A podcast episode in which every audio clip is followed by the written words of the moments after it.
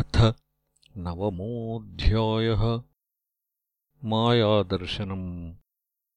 सूत उवाच।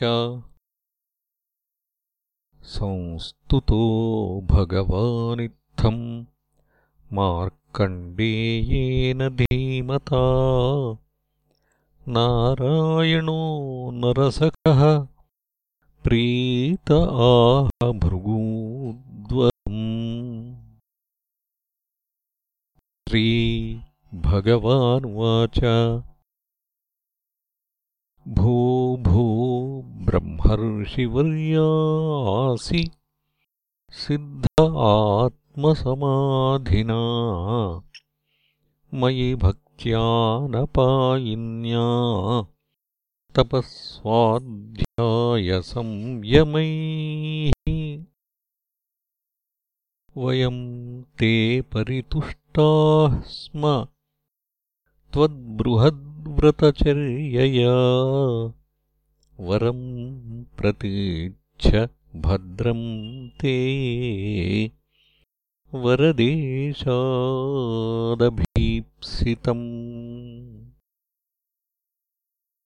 ऋषिरुवाच। जितम् ते देवदेवेश प्रपन्नार्तिहराच्युत वरेणैतावतालम् नो यद्भवान् समदृश्यत।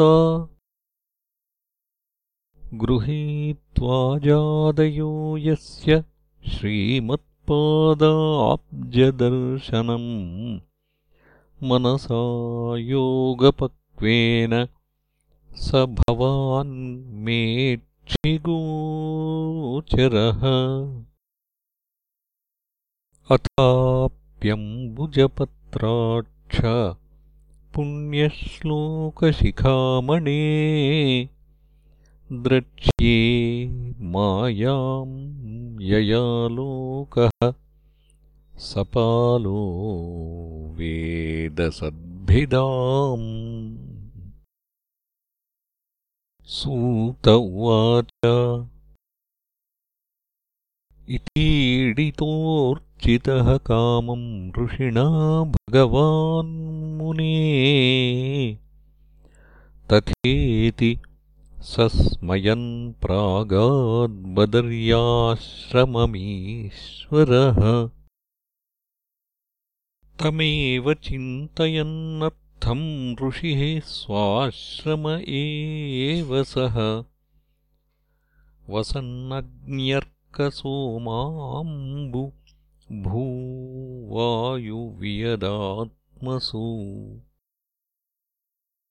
ध्यायन् सर्वत्र च हरिम् भावद्रव्यैरपूजयतु क्वचित्पूजाम् विसस्मार प्रेमप्रसरसम्प्लुतः तस्यैकदा भृगुश्रेष्ठ पुष्पभद्रातटे मुनेः उपासीनस्य सन्ध्यायाम् ब्रह्मन् वायुरभून्महान्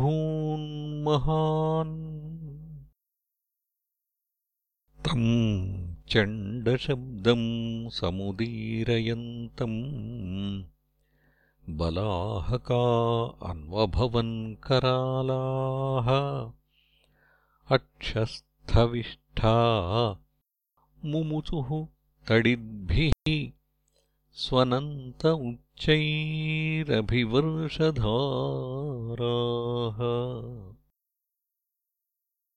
ततो व्यदृश्यन्तचतुःसमुद्राः समन्ततः क्ष्मातलमाग्रसन्तः। समीरवेगोर्मिभिरुग्रनक्रमहाभयावर्त गभीरघोषाः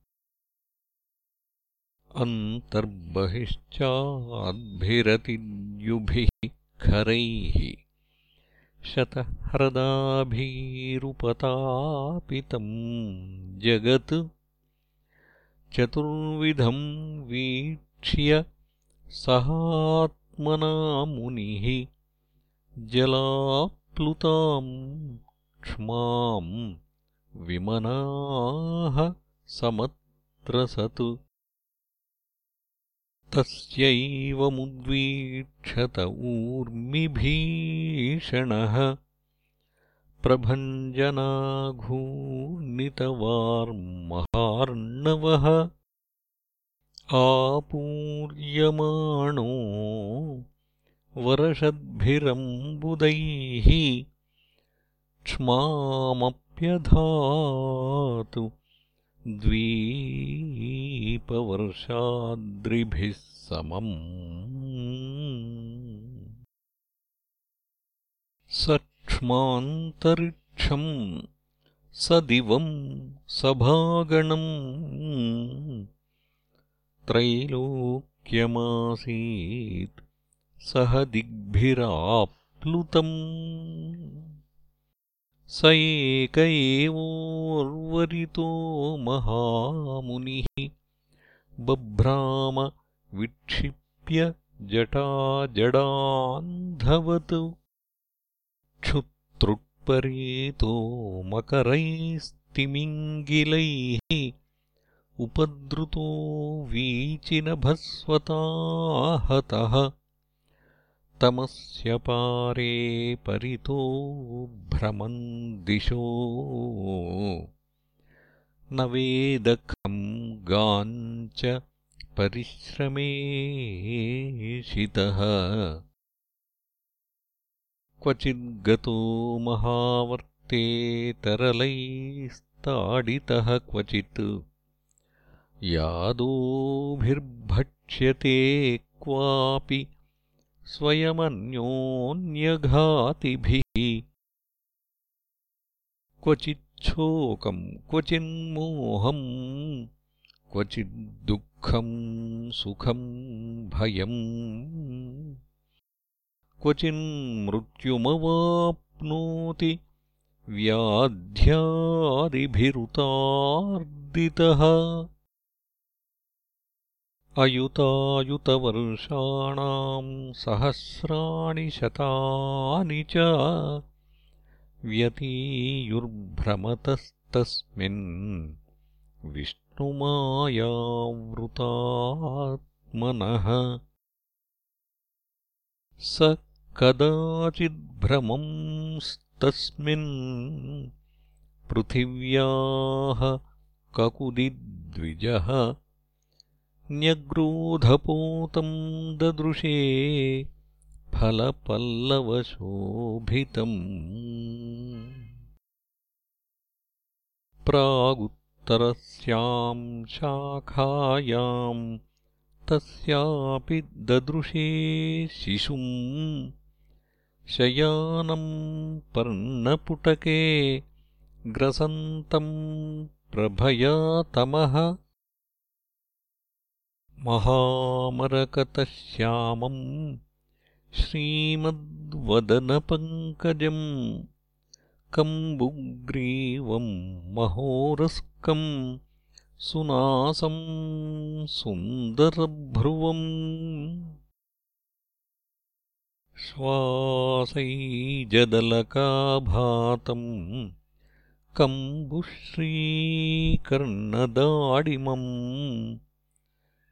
विद्रुमाधरभासेशच्छोणायितसुधास्मितम् पद्मगर्भारुणापाङ्गम् हृद्यहासावलोकनम् श्वासैजद्वलिसंविघ्ननिम्ननाभिदलोदरम्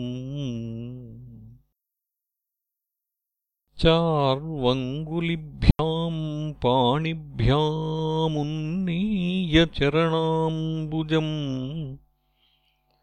मुखे निधाय विप्रेन्द्रो धयन्तम् वीक्ष्य विस्मितः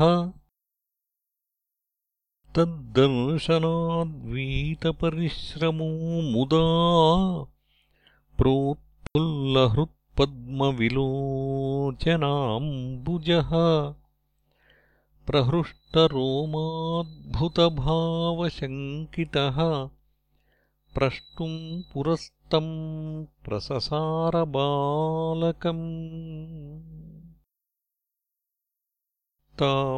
तावच्छिशोर्वैश्वसितेन भार्गवः सोऽन्तः शरीरम् मशको यथा विशत्।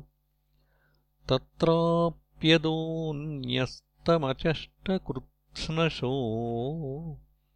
यथा पुरा मुह्यदतीव विस्मितः। खम् रोदसी भगणानद्रिसागरान् द्वीपान् सवर्षान् ककुभः सुरासुरान् वनानि देशान् सरितः पुराकरान् खेटान् व्रजानाश्रमवर्णवृत्तयः महान्ति भूतान्यथ भौतिकान्यसौ कालम् च नानायुगकल्पकल्पनम्। यत्किञ्चिदन्यद्व्यवहारकारणम् ददर्शविश्वम् सदिवावभासितम् हिमालयम् पुष्पवहाम् च ताम् नदीम्। निजाश्रमम् यत्र ऋषीन पश्यतु। विश्वम् विपश्यन् श्वसिताच्छिशोर्वै बहिर्निरस्तोऽन्यपतल्लयाब्धौ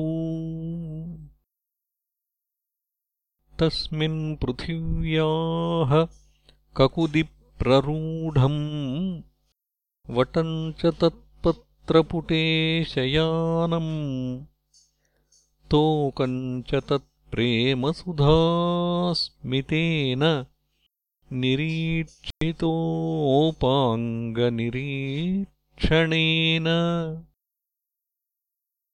अथ तम् बालकम् वीक्ष्य नेत्राभ्याम् धिष्ठितम् हृदि। अभ्ययादतिसङ्क्लिष्टः परिष्वक्तुमधोक्षजम्।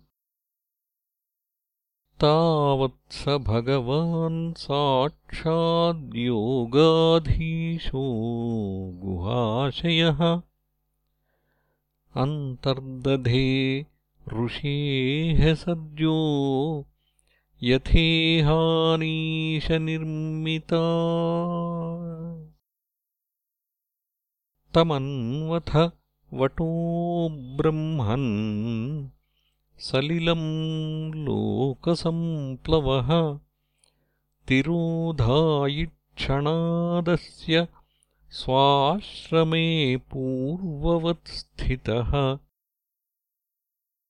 इति श्रीमद्भागवते महापुराणे पारमहंस्याम् संहितायाम् द्वादशस्कन्धे नवमोऽध्यायः